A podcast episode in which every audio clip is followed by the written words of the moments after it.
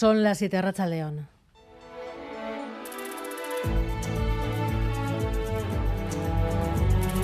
Gambara con Arancha García.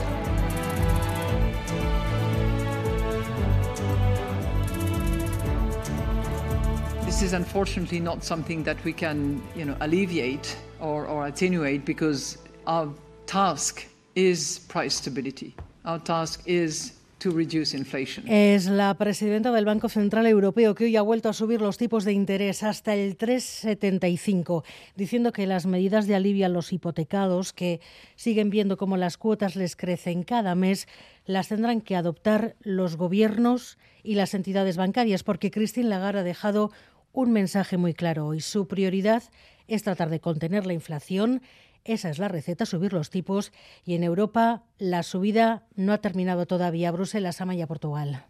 Con unos tipos que superan el 5%, la Reserva Federal estadounidense sugiere que ha llegado ya a la cima, no así el Banco Central Europeo, que ya sitúa los tipos de la eurozona en un 3,75%. Preguntada por el vértigo que puede dar el seguir esta senda si dejan de hacerlo al otro lado del Atlántico, la presidenta Christine Lagarde es rotunda. La entidad de Frankfurt camina por sí sola. Whatever the decision of the Fed is in the next few weeks, months,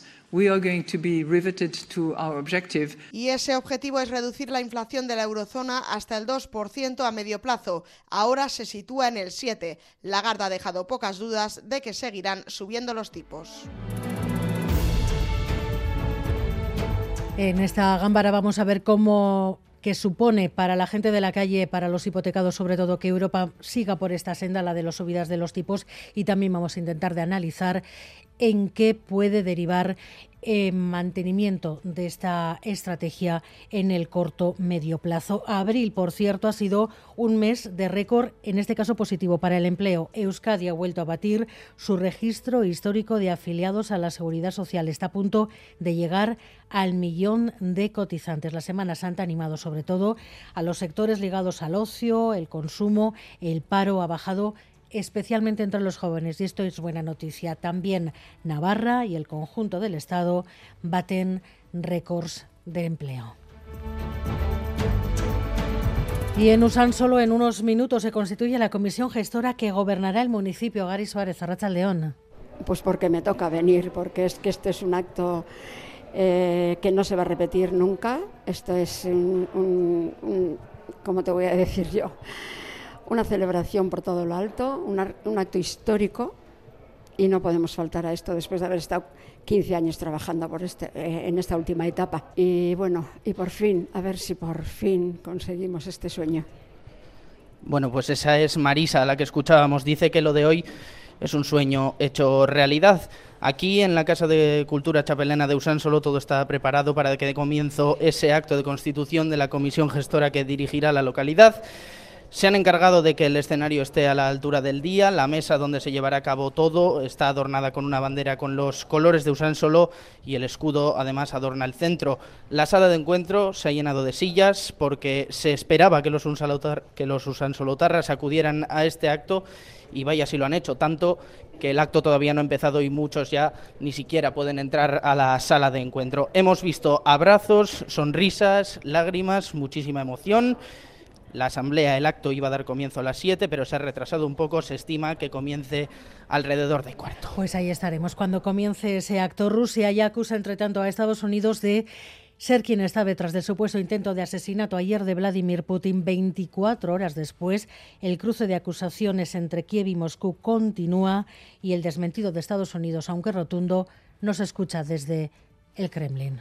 I can assure you that there was no involvement by the United States in this. So Peskov is just lying there, pure, pure and simple. Kirmen Uribe es uno de los escritores vascos de más proyección internacional. Desde hace años reside en Estados Unidos. Allí imparte clases, talleres de creación en la universidad y hoy ha sido galardonado con el premio Eusko Ikaskuntza Laboral Cucha de este año. Es una gran alegría. El creador pues necesita estos, de estos apoyos la verdad es que la alegría es doble cuando no se encuentra fuera, ¿no? Como es mi caso, que estoy en Nueva York.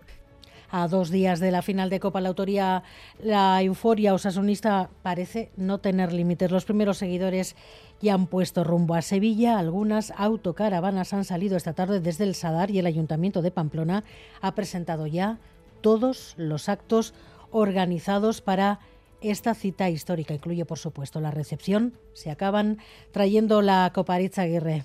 Las banderas de Osasuna cuelgan de los balcones, la camiseta roja es ya casi un uniforme en los patios de las escuelas y sí, se han agotado todas las camisetas a la venta en las tiendas, solo quedan de algodón. No poder ofrecerles y decirles no, no tenemos, no, no tenemos, es un poco frustrante a veces. El Ayuntamiento de Pamplona recibirá al equipo si gana el domingo por la tarde, cuando todavía la hinchada esté volviendo de Sevilla y si pierde también habrá recepción, pero el lunes. Y ya comienzan a instalar las cuatro pantallas gigantes de la Plaza del Castillo para vivir la final y engalanar la fachada consistorial. También han contratado DJs para que Iruña sea una fiesta. María Caballero, concejala de deporte. Desde las 20 horas habrá también animación musical y de vídeo en la Plaza del Castillo. Tenemos previsto desplegar aquí, en esta fachada del ayuntamiento, una gran camiseta gigante. Por los preparativos de la gente parecen los días previos al 7 de julio, pero el espíritu sanferminero transformado en sentimiento osasunista. Es un gen que se lleva dentro. Es de Osasuna y ya está. No es que quieras o no quieras, es lo que siente tu cuerpo. Estuve en la final de 2005 con mi padre y a esta final de 2023 voy con mi hijo. Y da igual que estemos hundidos o estemos en la gloria como ahora. Lo vivimos con una intensidad y un cariño que es difícil que se repita en otros clubes. Mañana comienza el éxodo rojillo a Sevilla en una fiesta histórica que no tendrá fronteras. Bueno, pues las camisetas agotadas en las tiendas, camisetas de Osasuna, una nueva ya parece que no se va a poder conseguir. Edu García, Rachaldeón. ¿Qué tal, Rachaldeón? Muchísima ilusión entre los aficionados de Osasuna y no es para menos porque ya les falta muy, muy poquito. Tanto es así que el equipo viajará mañana mismo a las 11. Tiene previsto tomar el vuelo desde Noain, que le va a llevar hasta Sevilla. Llegará a mediodía y ya por la tarde, a partir de las 6, entrenamiento en el Estadio de la Cartuja, el escenario del partido del,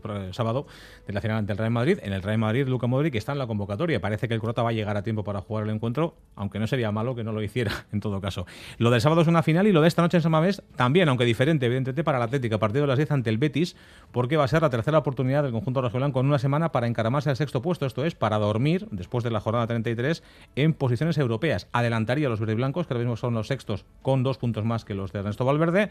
Vamos a ver si en la tercera va la vencida y si esta noche por fin el Athletic, ante un partido que el propio Valverde ha calificado como una final, es capaz de sumar la victoria y colocarse en esas plazas europeas. A partir de las 10 menos cuarto en Radio Sky.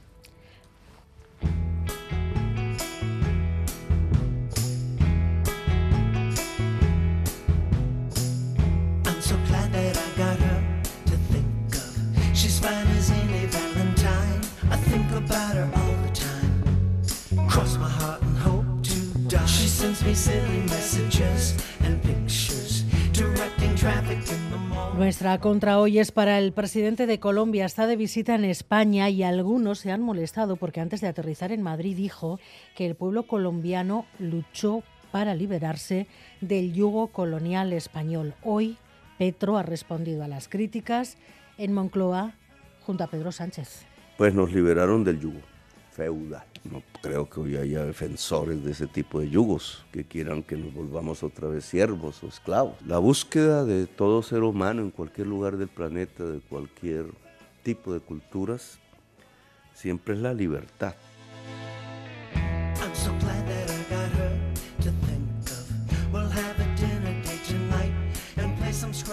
Miguel Ortiz y Alberto Zubeldía están en la dirección técnica, Cristina Vázquez en la producción.